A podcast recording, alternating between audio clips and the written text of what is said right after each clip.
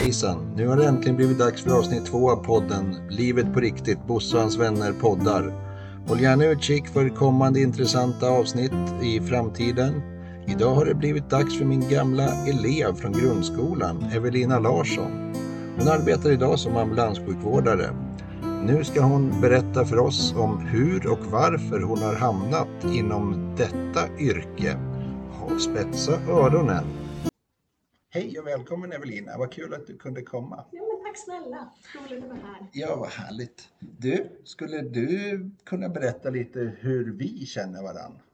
Ja, det började ju redan i 8-9 tror jag i Asken. Du var min historielärare och jag var gympalärare. Okej. Mm. Hur- Varför har vi fortsatt att hålla kontakten? Det har inte jag riktigt koll på. Jag tror att du inspirerade mig väldigt Okej, mycket. ja. Ja. Eh, du var en av de här roliga lärarna som ville verkligen visa framfötterna och du såg verkligen alla elever där de var. Härligt, tack Mm. så mycket. Det var fint att höra.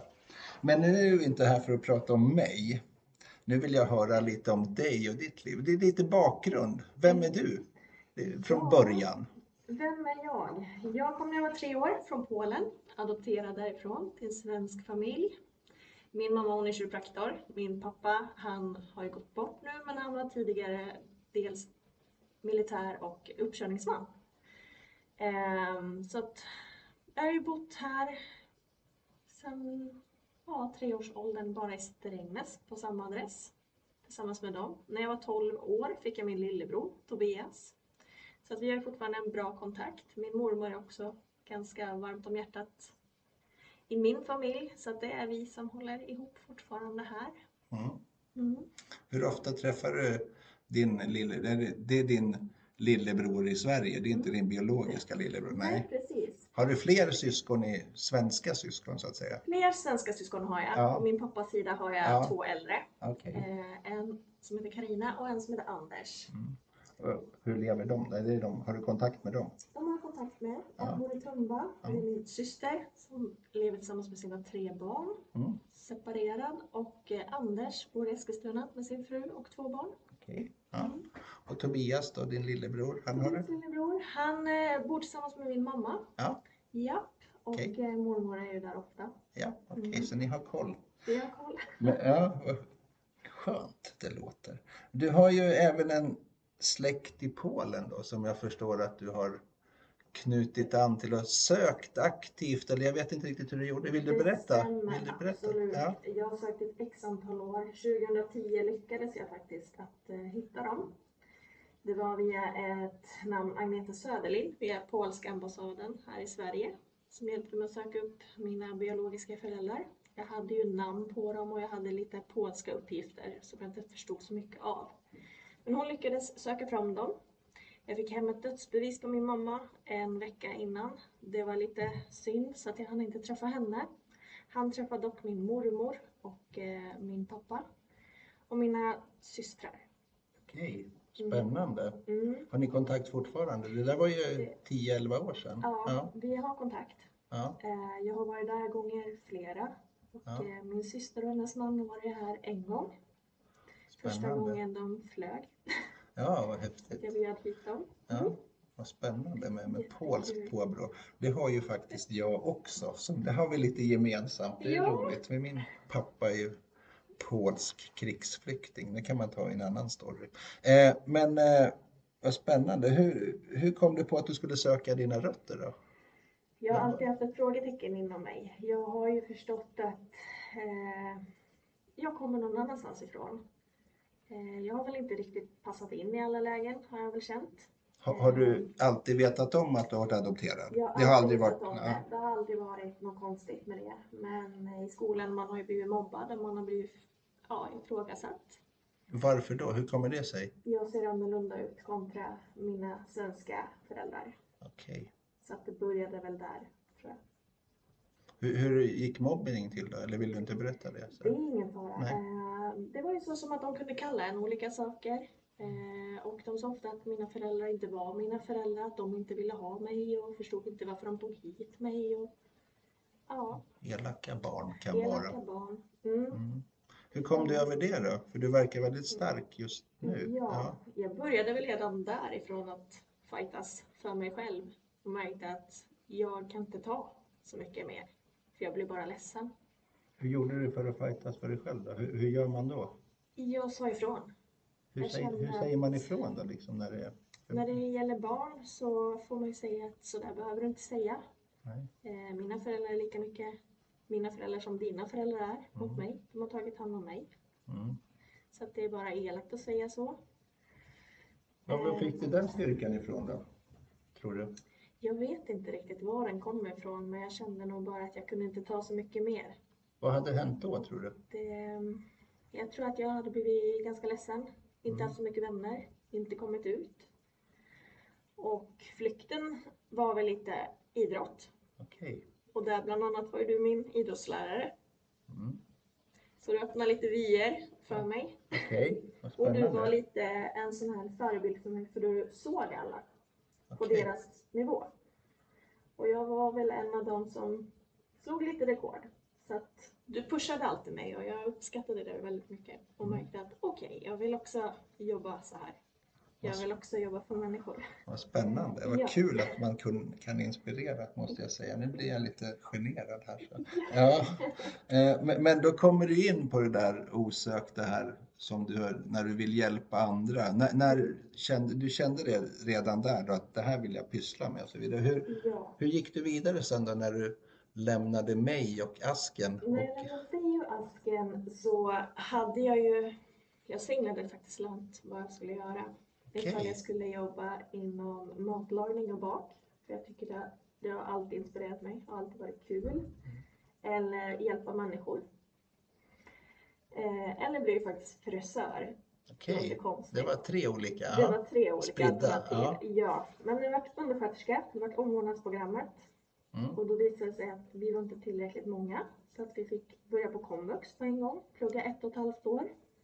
Okej, Och sen ett och ett halvt år vanliga ämnen på gymnasiet. Vilket innebar att jag var ju klar när jag var 16. okej. Och då började jag jobba på hjärtintensiven. För att jag tyckte hjärta var ju ganska intressant Ja. då. Det är det som styr våran kropp vill säga. Ja. Ehm, och tänkte att nej men vill jag bara vara inom sjukhus eller vill jag verkligen inspirera folk? För att jag vet att jag kan någonstans innerst inne för att jag har hjälpt ganska mycket vänner ur olika aspekter. Vill du berätta om någon sån? Eller är det... Ja, Ja. jag ska bara komma på något bra. Ja. Men jag har haft alltså många vänner som har mått psykiskt dåligt eh, och nästan tagit livet av sig själva. Mm. Eh, jag har försökt att pusha dem till rätt riktning. Ehm, Hur har du gjort då?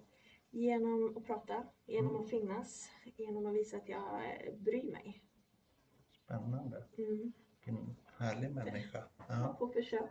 ja vad härligt. Ja, men nu hoppar vi tillbaks till ditt val där och vara Ja. kvar på hjärtintensiven eller om du ville göra Ja. någonting utanför sjukhuset. Precis. Vad hände då? Ja, men jag kände att okej, det är så här man jobbar på en avdelning. Och sen så tänkte jag att nej, men jag ska prova lite olika avdelningar för att kolla vad man gör i olika specialiteter. Så att jag har varit lite på intensiven, jag har varit på operation, jag har varit på AVA som det heter. Och jag har varit på akuten. Men akuten har ju alltid eh, varit det största för mig. Jag har ju alltid tyckt att det varit kul på akuten för att där får jag verkligen lära mig. Ingen dag är en andra lik. Så jag har ju alltid på något sätt kommit tillbaka till det här akuta och märker att okej, jag kan från en akut aspekt hjälpa en traumatisk människa till att bli lite mer stabil och må bättre. Ja, Vilken härlig insikt. ja. Ja, Det... Men sen så tänkte jag att om jag ska prova jobba med ungdomar. Jag vill bli... Jag vill att de ska kunna se upp till mig. Jag tänker att ah, men, den här är ju en trevlig människa och eh, vi ska ha kul här ute. Mm. Så jag har ju då sökt mig som att bli assistent först okej. för olika elever som jag har haft. Ehm, och de har verkligen inspirerat mig också. De har, de har haft det väldigt tufft, många av mina elever. Men till att de har lyckats kommit ut och fått jobb och mår bra nu. Vissa av dem har gift sig. Spännande. Du, ja. Jättekul. Följer du dem fortfarande? Jag följer dem fortfarande, jag har kontakt med alla faktiskt. Ja. Så att det är Ja, jättekul. jättekul. Ja. Sen var jag lite gympalärare. Roligt. Ja, Ja, väldigt kul. ja. Bland annat Omar, våran Omar. ja. Ja. Han tyckte inte det var så jättekul men vi Nej. fick honom att Ja. vända om. Ja, okej. Mm. Fick vi med lite Omar här Ja, också. visst. Hej Omar, för jag tror att du kommer att lyssna. Ja, Det tror jag ja, med. Ja, Ja. ja. Nej, så att prova på lite olika för att kolla vad man verkligen vill göra. tror Mm. jag är väldigt viktigt. Så du har liksom testat av det här kan jag tänka mig och pyssla med och så vidare. Exakt. Men vad landade du sen då efter det där när du hade... Jag landade alltid tillbaka på akuten. Mm. Ehm, jag provade även P10 i maten, Okej. serverade, ehm, även golf ute i Stallaholmen, vad- golfrestaurangen där. ja, okej. Men kände att nej, det jag måste tillbaka till akuten. Okej. Vad var det som lockade då? Kan du Det hitta är- någonting? Ja, det är ovissheten. Ja, Att jag vet inte vad jag kommer få jobba med. det är lite spänning, Det är lite kittling, spänning. så Ja, lite, precis. lite läskigt. Ja, Ja. lite läskigt men ändå utmanande. Och jag älskar utmaningar. Mm. Mm. Och, och då kom du... Var hamnade du då? Då kom jag ju tillbaka fortfarande till akuten Mm. men kände att jag vill göra något annat. Och då tänkte jag att men ambulanser kan ju vara ganska spännande. Nu har jag ändå varit här en, jag tror det är 12 år Mm. på akuten som det vart. Oj. Mm. Så pass, ja. Ja. Ehm, sökte mig faktiskt för att kolla olika spår hur jag skulle kunna vidareutbilda mig. Mm. Sen fick jag upp en intern utbildning. Då var det i Stockholm. Vi var ganska många som sökte den utbildningen och jag var en av dem som lyckades komma fram. Härligt. Ja, så då fick vi göra lite fystester och lite prat och kolla hur man var i psyket och jag gick vidare på den fronten. Vi var 28 stycken. Mm.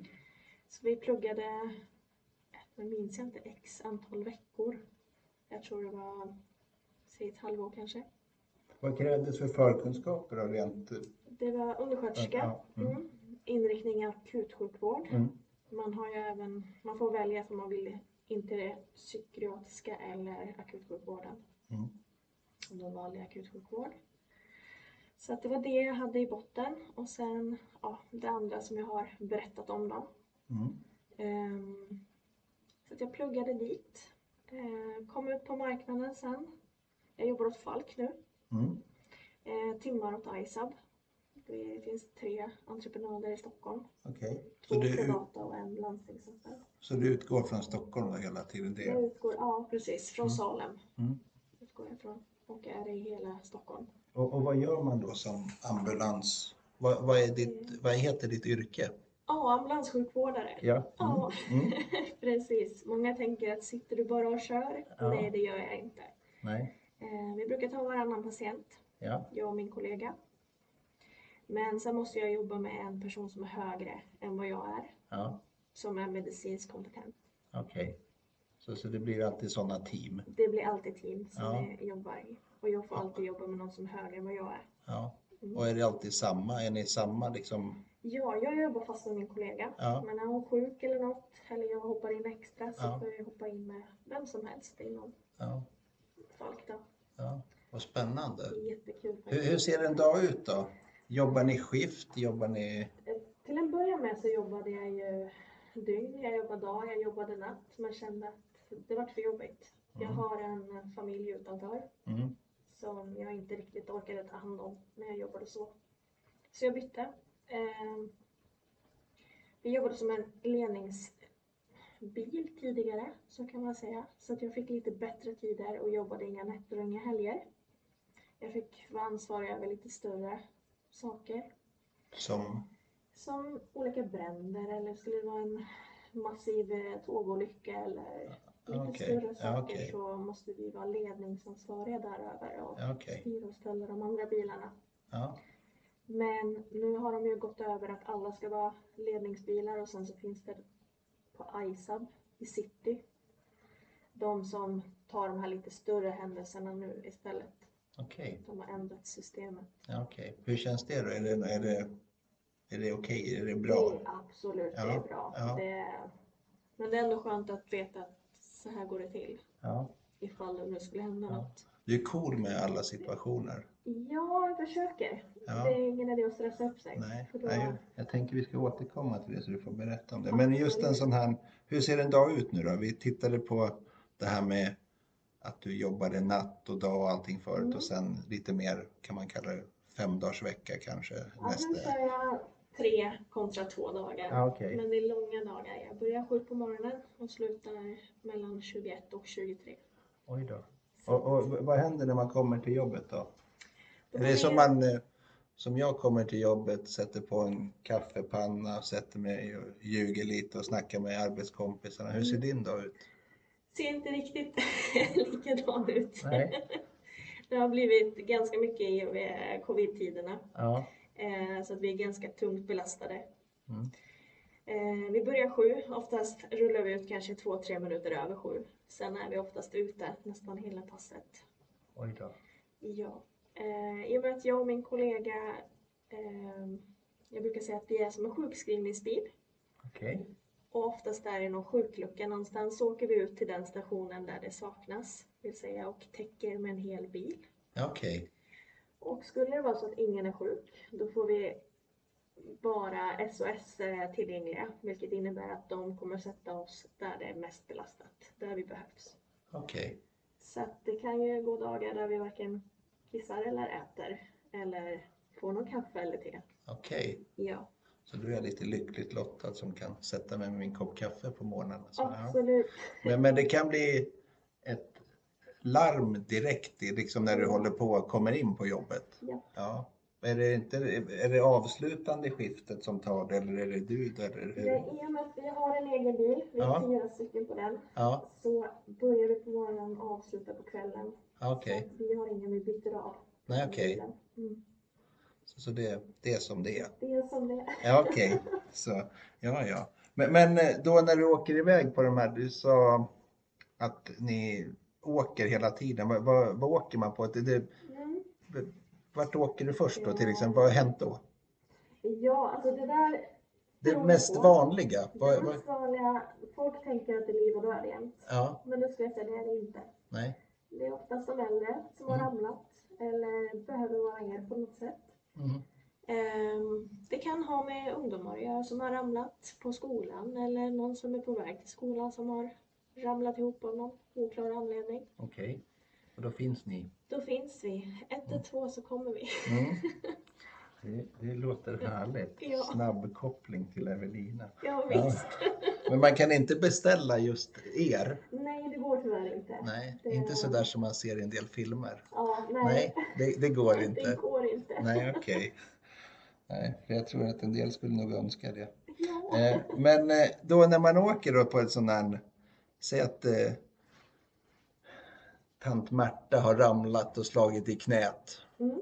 Är det hon själv som larmar eller är det Petter som går förbi som ringer och ser det? Eller Det vem? där är olika. Ja. Ibland eh, kan ju de ha trygghetslarm Mm. på sig. Kan trygghetslarmet ringa till oss. Mm. Ibland kan patienten själv ringa och ibland så förbipasserare kan ringa. Mm. Och, och vad händer då när ni kommer fram? Hur, När vi kommer fram till lilla Agda som ligger på golvet så Ja. måste vi ta reda på, på vad det är som har hänt. Ja. Vi måste kolla så att hon inte har varit avsvimmad eller slagit i huvudet. Man går igenom oftast från topp till tå innan man ger sig på det här knät. mm. För vi har inte alls en aning om varför ramlar hon. Har det med att hon har slagit i huvudet? Har det med hennes hjärta att göra? Eller är det något, något kring medicineringen? Eller är det, så simpelt som ett blodtryck? Det är en hel genomgång. Så, ja, så. precis. Men hon ligger där och säger att hon har ont i knät. Ja, Är hon lite förvånad om ni frågar om hon har slagit i huvudet?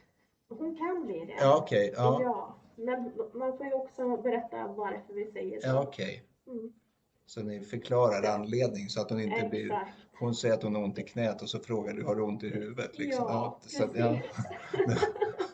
Det kan kännas lite bakvänt kanske. Ja. Ja. Ja. Men, men då, då ligger hon där och så, men det är inga blåljus på sådana här. Det är inte alltid man kör fort och det är Inte blå... alltid vi Nej. blått. Nej, Nej. absolut inte. Eh, De har väl ändrat nu att har man ramlat ut och inte kan ta sig in på något sätt och det är kallt ute, då kan vi få en prio 1. Mm. Men det behöver inte alls vara en prio 1 in för att man får en prio 1 ut. Ja, okej. Mm. Men om man tänker då när, eh, när ni kör så där, det finns ju alltid en fråga, man får köra hur fort man vill eller hur fort man behärskar. Vad är det som gäller? Ja, det är ju inte så fort man vill. Nej, de brukar okej. säga 140 brukar de säga. Ja. Men eh, händer någonting och vi åker mot rött eller vi bryter någonting så är det vi som åker på det. Okej, För vi bryter ju Så mot det- lagen där. ja. Men det finns liksom en, ett förlåt. Om ni klarar er mot rött så är ni okejade. Det jag. Nej, Inte det- som om jag kör mot rött. Nej, det blir värre. Ja, okej. Ja, okej. Så, så där finns det liksom en skillnad. Ja, det finns det. Men det har ju hänt. Kollegor har ju smält. ja. Men det har man ju läst och sett. Och, ja. ja. Och de har ju också åkt dit för det. Mm, Vissa okej. blir av med jobbet så att det finns ju, man får tänka till ett snabbt till. Mm. Så, så den här hjälten som ska köra hur fort som helst med sin patient, den är liksom, Det går inte. nej, Ifall man skulle köra så fort som möjligt så Ja. skulle inte patienten må så bra där nej, bak. jag kan tänka mig det. Och det är därför många tänker också, ibland saktar man in och kör lite Ja, varsamt och folk tänker men herregud du kör ju med blåljus. Ja, Ja. men det är, mina kollegor där bak kanske jobbar. De Ja. kanske står utan bälte ja, och då kan inte jag köra hur snabbt som helst. Nej, För då kan ju de ramla runt där bak. ja. Så, så, och det vet ju inte vi om. Nej. Vis- nej. Nej, oftast tänker man inte så. Utan Nej. då kan de bli irriterade att man stannar till eller Ja. Hur bra är folk på att väja undan när ni kommer då? De är inte så jättebra. Okej, Eh, skulle jag byta bil, skulle jag ha en polisbil skulle det gå bättre. är det så? Tyvärr har det blivit så. Jaha, Ehm, ja. Har vi haft något större där polisen är inblandad så Ja. brukar jag ju oftast säga till att polisen får köra före mig så att de får bilda en fri väg Okej. för oss. ja. Mm. Det var konstigt, det trodde faktiskt inte jag. Nej, Det är, det är ju tragiskt. ja, Så nu ni som lyssnar, då får vi skärpa oss på det där och göra fri lejd för alla blåljus. exakt. Mm.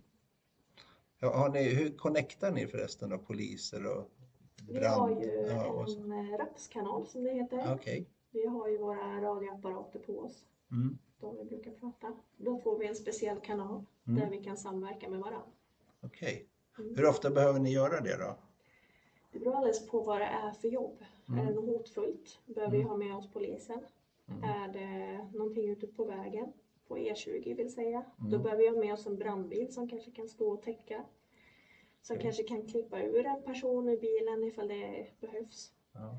Eh, och sen måste vi bärga det dit oftast ifall man Mm. måste bärga bort bilen. Så det är många steg. Många som ska vara med. Många Och, men sen då, nu hoppar jag tillbaks till hon som ligger där med sitt onda knä. Ja, Och, och då när ni har kommit på att ja, men det är ju knät, det har ju det har gått sönder. Mm.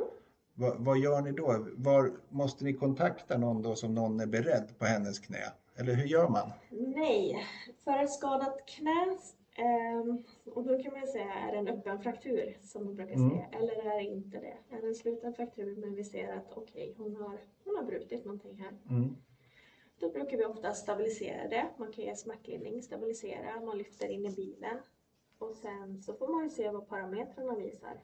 Mm. Det kanske inte bara är det här knät som hon har sökt för. Det kanske har med hjärtat att göra. Mm. Hon kanske har pågående hjärtinfarkt som vi inte vet om det.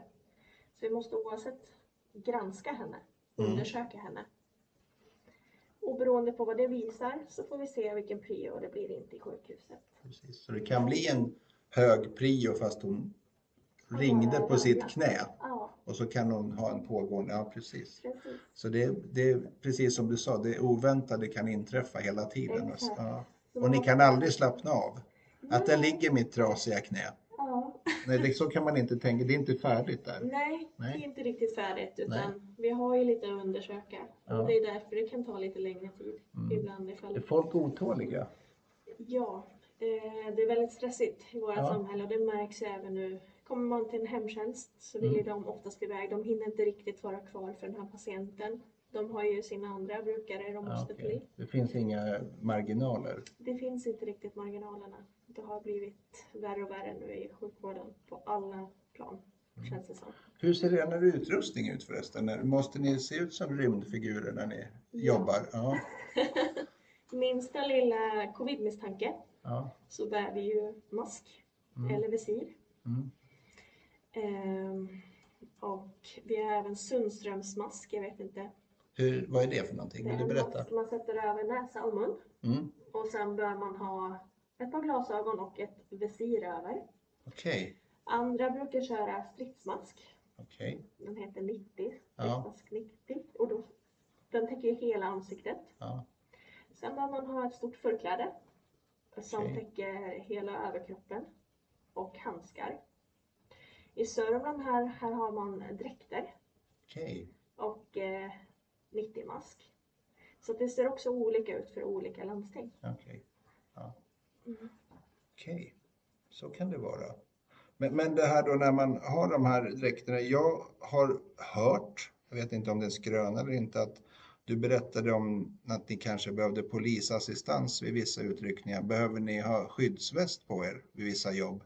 Eller har ni, hur jobbar man? De har pratat om att införskaffa eventuellt skyddsmask eller skyddsdräkt Ja. för oss. Eh, Men jag personligen tycker att då har det gått för långt. Ja, det känns så Ja. kan jag tycka också. Eh, För jag vet ju, man har ju läst om någon sjukvårds eller ambulanspersonal som har blivit stucken när Mm. han gör, gjorde sitt jobb. Precis. Ja.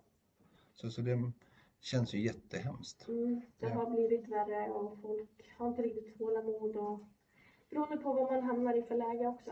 Mm. Det kan ju vara, folk kan vara chockade Mm. runt om. Vi kan säga att det är någon i en stor familj som har fått en hjärtinfarkt. Ja, Kan vi dra ett exempel och vi kanske inte får igång den här personen. Den här Nej. personen dör.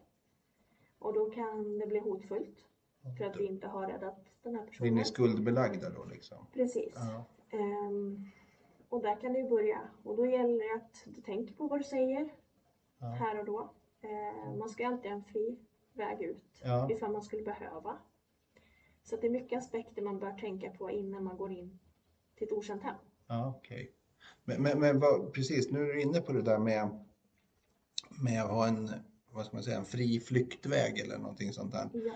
Hur, vad är era, eh, hur långt ska ni gå enligt ert uppdrag för att rädda det där livet? Mm. Vad liksom, om det kommer den här familjemedlemmen och så finns det flera skadade på en plats och så blir du hotad till exempel att du ska välja hans mamma istället för någon annans mamma. Precis. Hur, vad, hur, vad kan man göra då? Man får ju försöka läsa av hela situationen såklart. Och skulle jag känna mig minsta hotad så skulle jag nog försöka avböja mig själv. Mm. Vi har ju även en knapp som vi kan trycka på där vi har polisen förhoppningsvis om, inom ett par nu, minuter som Mm. är för oss. Mm. Eh, många av mina kollegor har tyvärr behövt trycka Okej. överfallslarm som det heter. Ja. Jag har ju dock aldrig behövt trycka det. Och, och då, blir man, då kommer en signal till polisen då? Ja, och då Okej. ser de att vi är i ett akut läge Ja. där de behöver ha oss. Ja. Och då, kan, då fattar de att det är det och de kan inte de prata med er? Nej, de, eh, de går bara rakt in. Mm. Då är det liksom, ja. Finns det något tvärtom system? Att polisen kan trycka på något när de ser att om de håller på med något livräddande, om de, ja, Mm. har de samma liksom fast tvärtom? Det vågar inte jag riktigt svara på. Däremot så vi blir ju alltid uppringda av SOS Ja. och får ju ett larm ut att där kan det stå att i förvarningen att polisen är på plats Ja. och önskar en ambulans fram.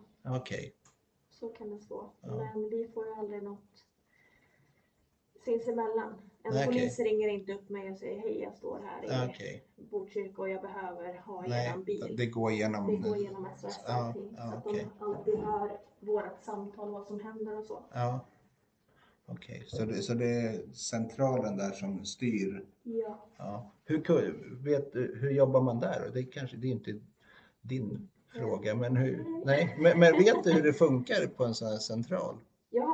Där nere i Ja, bergrummet ja. som de sitter i. Ja. Ehm, och det är ju som en, vem som helst kan ringa SOS Ja, och de kan ju berätta vad det är som händer där och då. Mm. Och då beslutar ju sig operatören ifall man skickar ut en bil eller inte. stort ansvar på operatörernas axlar. Det är det, absolut. Det är ju svårt via bara ett telefonsamtal att Ja. se och höra. Det hade varit bättre för man såg personen med säga. Ja. Genom ett Viber-samtal eller något. Nu tänker jag hoppa tillbaks till det här med att köra bil fort och sådär. Absolut. Hur mycket tränar ni på sånt? Vi har ju en utbildning, en prio 1-utbildning Mm. som vi får gå. Eh, en vecka går vi, Mm. där man får köra dagtid, kvällstid och när det är mörkt vill säga. Mm.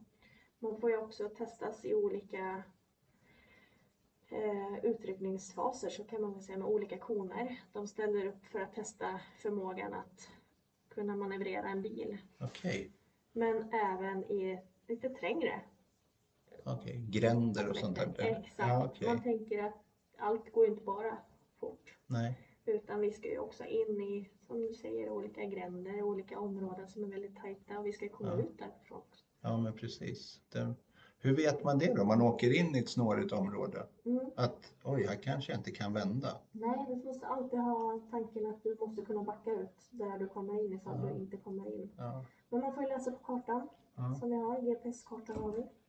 Det Hur- finns vanlig taxikarta också Ja. man vill ha det. Men hur, hur mycket pluggar ni områden och sånt då? Vi har ju områdeskartor där man har fått genomgått olika tester. Ja. Lite speciella ställen som är... Ja, Ja. precis. Men nu görs ju allting om. Så att det är ju svårt att... Vad gör man då? Ja, de kör ju ombyggnationer över hela Stockholm. Okej. Där de stänger igen olika vägar och man måste hitta andra vägar. Och Mm.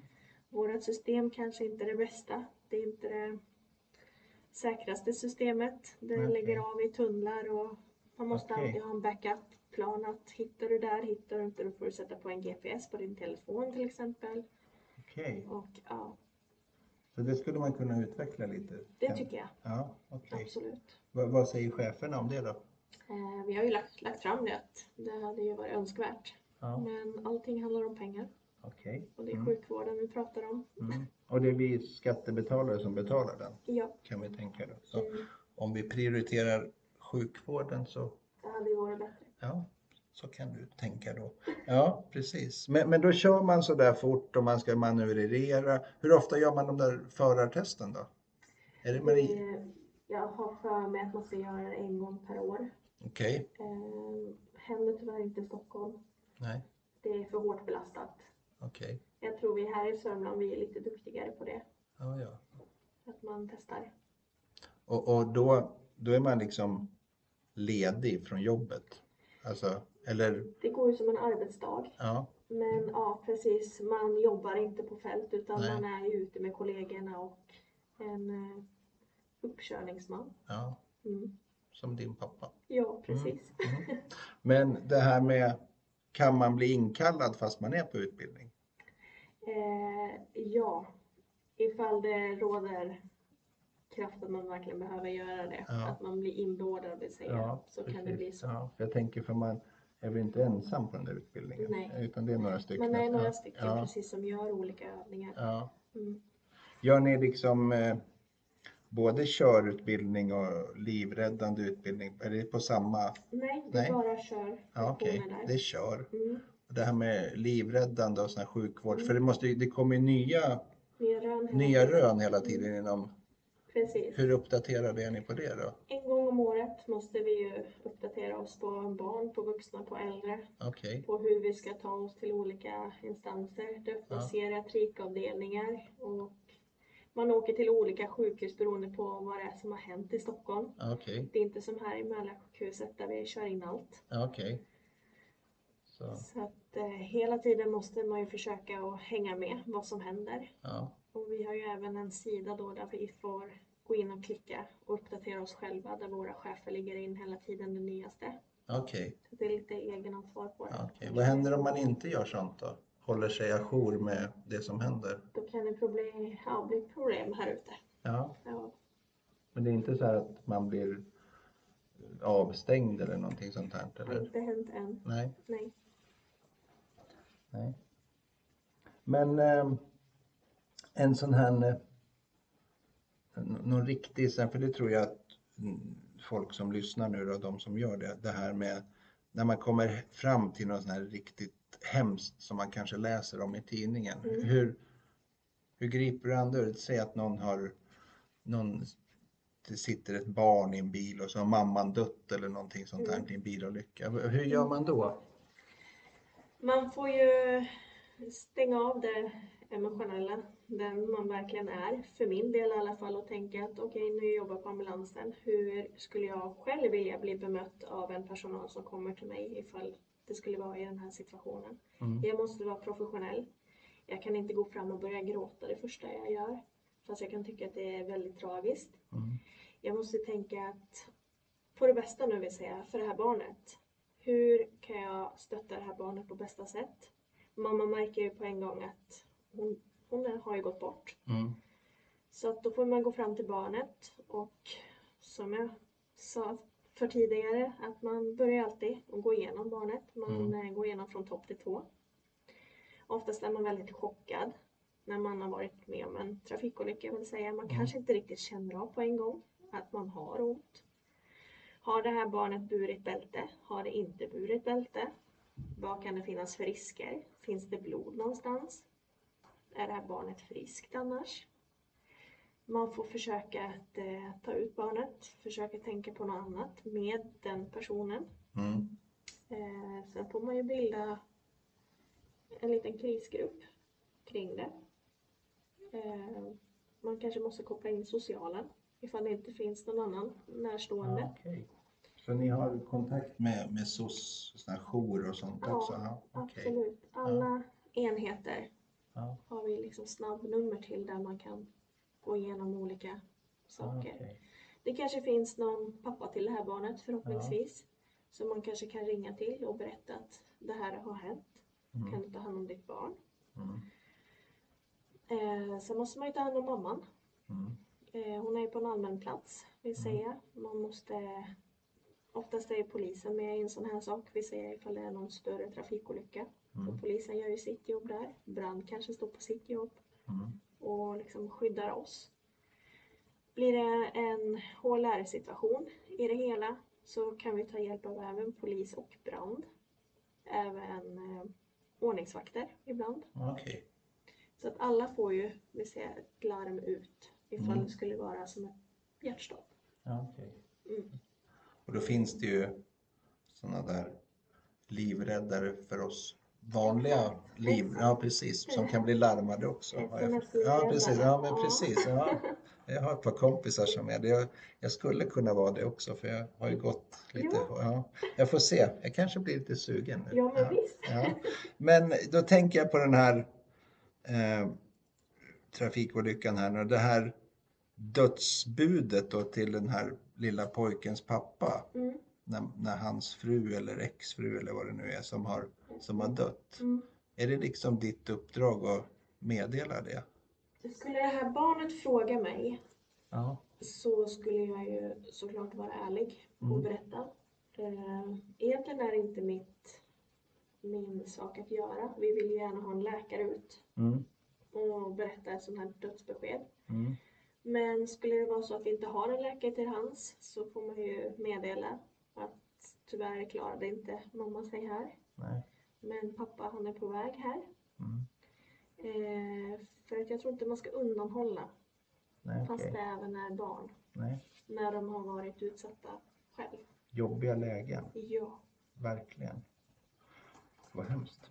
Eh, Men det är jättehärligt att ni finns på, Ja. på de här. Och men, men den här då när, när ni kommer i land och ni har lämnat pojken till pappan eller sjukhuset och mamman är omhändertagen. Kommer en sån här så kallad likbil och hämtar då eller ska det komma ut? Kör ni döda människor?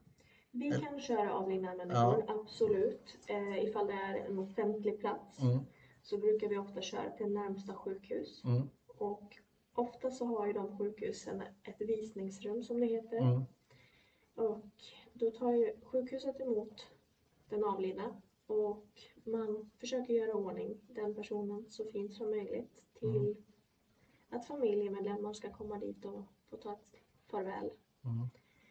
Eh, annars, ifall det skulle bli ett dödsbud i sitt eget hem, mm. då är det vi som oftast ser till att det blir fint för den personen. Så att kanske någon närstående vill ta farväl i hemmet. Okej. Och sen ringer vi till eh, våran jourläkare Mm, som kommer att komma ut och ja, sätta dit lite lappar på den och även politibilen kommer dit och Mm. hämtar senare. Det är ett, eh, har jag alltid tyckt ända sedan jag var liten att det heter politibil. När det, Ja. ja, som vi, vi vanliga dödliga lekmän kallar för likbil. Då. Ja, precis. Vet du var det kommer ifrån det där namnet? Det vet jag faktiskt inte. Nej, det är något som jag får lägga på en, en eftergrej på det här avsnittet. Så, ja, det blir spännande för mig. Att ta det. Jag tror jag läst det någonstans men jag ska, jag ska ta reda på mer och lägga en länk. Ja, Ja, för det låter ju lite knasigt egentligen kan jag tycka. jag håller med. Ja. Eh, en, en, eh, sån här, ett ögonblick när du har ryckt ut och ni har fått larm och sen har allting bara gått tippeli-topp-toppen. Kan du berätta något sånt? Det här att det blev något, det som var hemskt från början och så slutade det lyckligt. Då. Ja, ehm, det är många här ute som är själva, Mm. så kan jag säga. Ehm, men vi hade faktiskt en dam som hade legat själv på golvet, hade ramlat men inte lyckats tagit sig upp. Mm. Hade ringt på eh, ett skyddslarm som hon har på liksom armen. Mm. Men de hade nog inte förstått riktigt allvaret för att hon hade blivit lite snurrig. Mm. Misstänker att hon kanske hade en urinvägsinfektion som det kan göra att man blir lite snurrig då. Ja. Um, hade legat, jag tror det var tre, fyra dygn Oj. på sitt eget hårda golv. Ja. Äldre dam. Ehm, henne kom vi fram till och eh, som vi börjar från topp till tå gick vi igenom henne. Vi hjälpte henne att duscha. Ja. Gjorde det här lite extra för henne. Ja. Såg till att hon fick äta lite och eh, bli varm, få rena kläder. Vi körde in henne och eh, det var nog hennes räddning. Okej, vad härligt. Det var Vilka, vilka hjältar. Ja, Ja. men det måste ju kännas det, jätteskönt. det gör det faktiskt. Ja. Det är lite annorlunda att jobba här ute på ambulanser för att där tar vi hand om oftast en person. Ja. Visst, det kan bli fler ibland, men inne på en akutmottagning där kanske vi har ansvar över 20, 25, 30 Ja. personer. Kanske inte hinner med allting. Nej, Vi kanske inte hinner göra det här lilla extra som man faktiskt kan göra. Det blir mer de riktat omhändertagande. Så, Ja, ja. precis. Spännande. Vad, Eller vad härligt. Har återupplivat någon. Mm. Hur, hur ofta händer det då, kan du säga, på, på en vecka eller? På... Det är så olika. Det Ja. känns som att det kommer i olika perioder. Okej, Nu har vi en hjärtperiod tycker jag. Jag har Okej. mycket hjärtstopp. okej. Kan man Eh, veta vad det beror på? Jag vet inte, men jag brukar tänka att det kanske har med fullmånen att göra. Okej. Det. ja, Många som har svårt att sova. okej. Många som kan behöva prata Ja, extra. Det är bara min egen teori, jag vet Ja. inte. Men eh, det jag tycker att det, det är snarlikt. ja när det okej. blir fullmåne till exempel. Blir folk ensamma då? Blir oroliga och så här? På, Ja, folk är ju väldigt ensamma nu i Ja. covid-tiderna. Eh, vissa har faktiskt ingen anhörig alls och är väldigt ensam. Det finns inte så mycket att göra här ute. De Nej. säger att man inte ska vara ute bland folk. Och, Nej. Ja. Vad, vad, vad, tycker du att sådana, vad, vad ska man göra? Vi medmänniskor eller de ensamma, vem det nu än är. Vad kan man göra, tycker du? för de äldre så har jag sett faktiskt många lappar ifall det är någon som behöver ha hjälp med handling till exempel. Okej. Eh, nu finns det mycket teknik. Mm. Man kan titta på varandra genom Skype eller Viber eller Messenger. Mm. Där man faktiskt kan få en mänsklig kontakt fast genom en skärm. Mm. Kanske inte bara via telefon. Nej. Eh, I och med att mer och mer saker läggs ner så blir det ju svårt Ja. att liksom komma ut. Men ni märker av det, ni som jobbar i akutvården, att folk är ensamma. Att det är en, är det liksom någon sorts, eh, vad ska man säga, ingång till akutsjukvården, att man är ensam? Det kan det vara. Ja. Att, eh, det kan, i alla fall inom psykiatrin, skulle Ja. jag säga. Eh, det har ökat enormt. Och det tänker man nog inte på, men coviden har i alla aspekter förstört för många. Ja. Det, folk blir ensamma, folk eh, uppmanas att inte träffa andra. Man stänger in sig Man Ja. kanske tänker att jag har ingen. Vad ska jag göra? Vad ska jag göra med mitt liv? Okej. Har jag ens något värde? Är det någon som ens bryr sig? Och då Mm. kan det bli som en panikångestattack. Mm. Det kanske känns som att Gud, nu, nu stannar mitt hjärta. Men det är Mm. kanske en panikångestattack du har. Du Mm. känner att är jag verkligen värd någonting? Är det nu det lägger av? Det är ingen som vill vara med mig. Hjärtat kanske dunkar på ännu mer. Mm. Man tänker, nej men nu, nu måste jag nog ringa 112. Mm. Och då kan vi komma fram på plats och man märker att den här personen kanske hyperventilerar, Mm. har en jättesnabb puls. Mm. Den personen tror själv att det är en hjärtinfarkt, men det hela kanske har med den psykiska läggningen. Ja. Att man är ensam helt enkelt. Ja, precis. Och, och då kör ni många, eller kör ni några stycken till psykakuten och sådana Ja, saker också? Så att, de, ja, så att det, det finns, det liksom är hela spektret, det är Ja. hela, både insidan och utsidan på kroppen som åker ambulans. Liksom. Ja. Absolut. Mm.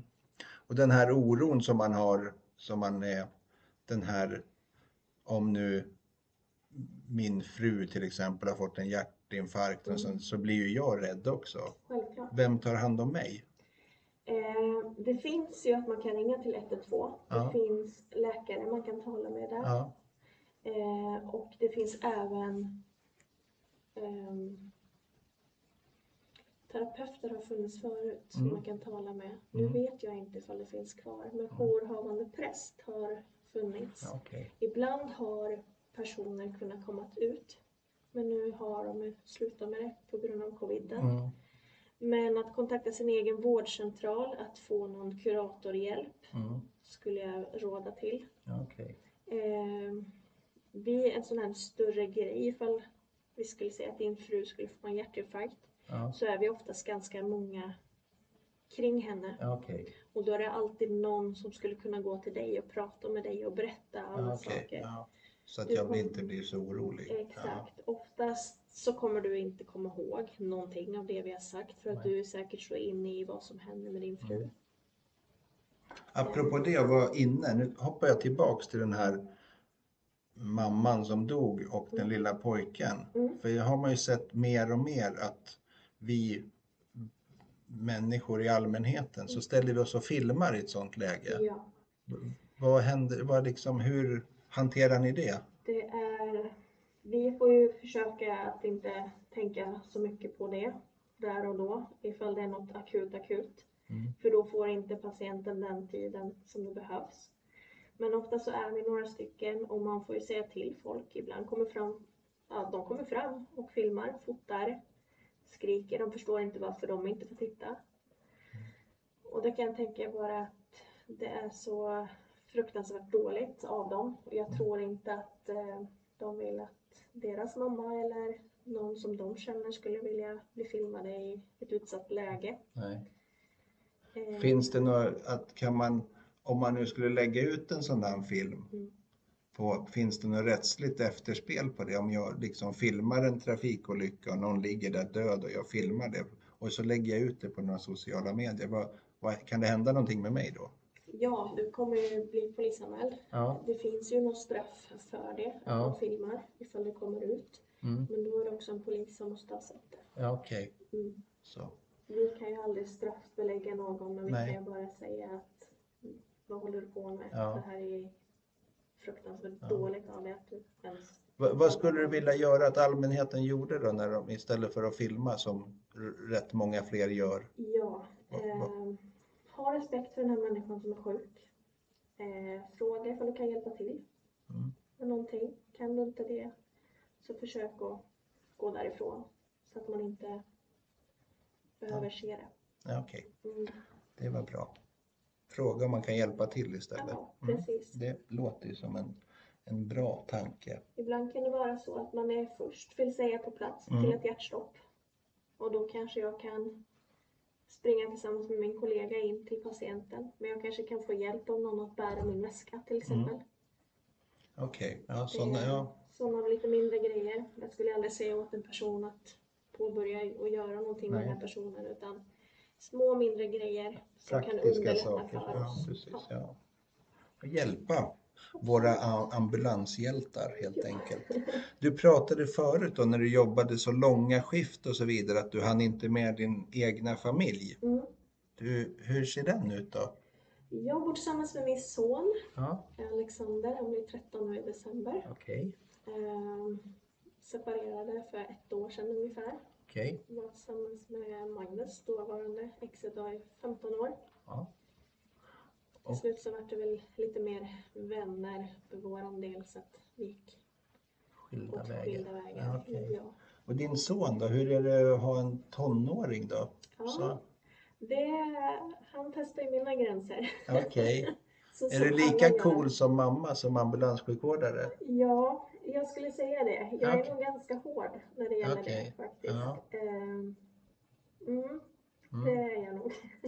Okej. Hur, hur är det? Jag, jag vet ju, har, har sett det live och jag har sett det på sociala medier. Jag vet inte om det fortsätter, men du är hockeymorsa. Ja, men det är jag också. Ja. Ja, Hur är det då? Är du lugn där då som hockeymorsa? Där kan jag säga att nu har de ju blivit tuffare. Ja. Det är mera tacklingar och Ja. mm, de har blivit större och rappare i munnen. Så att ibland vill man ju helst bara blunda Ja. när man ser att det kommer en smäll.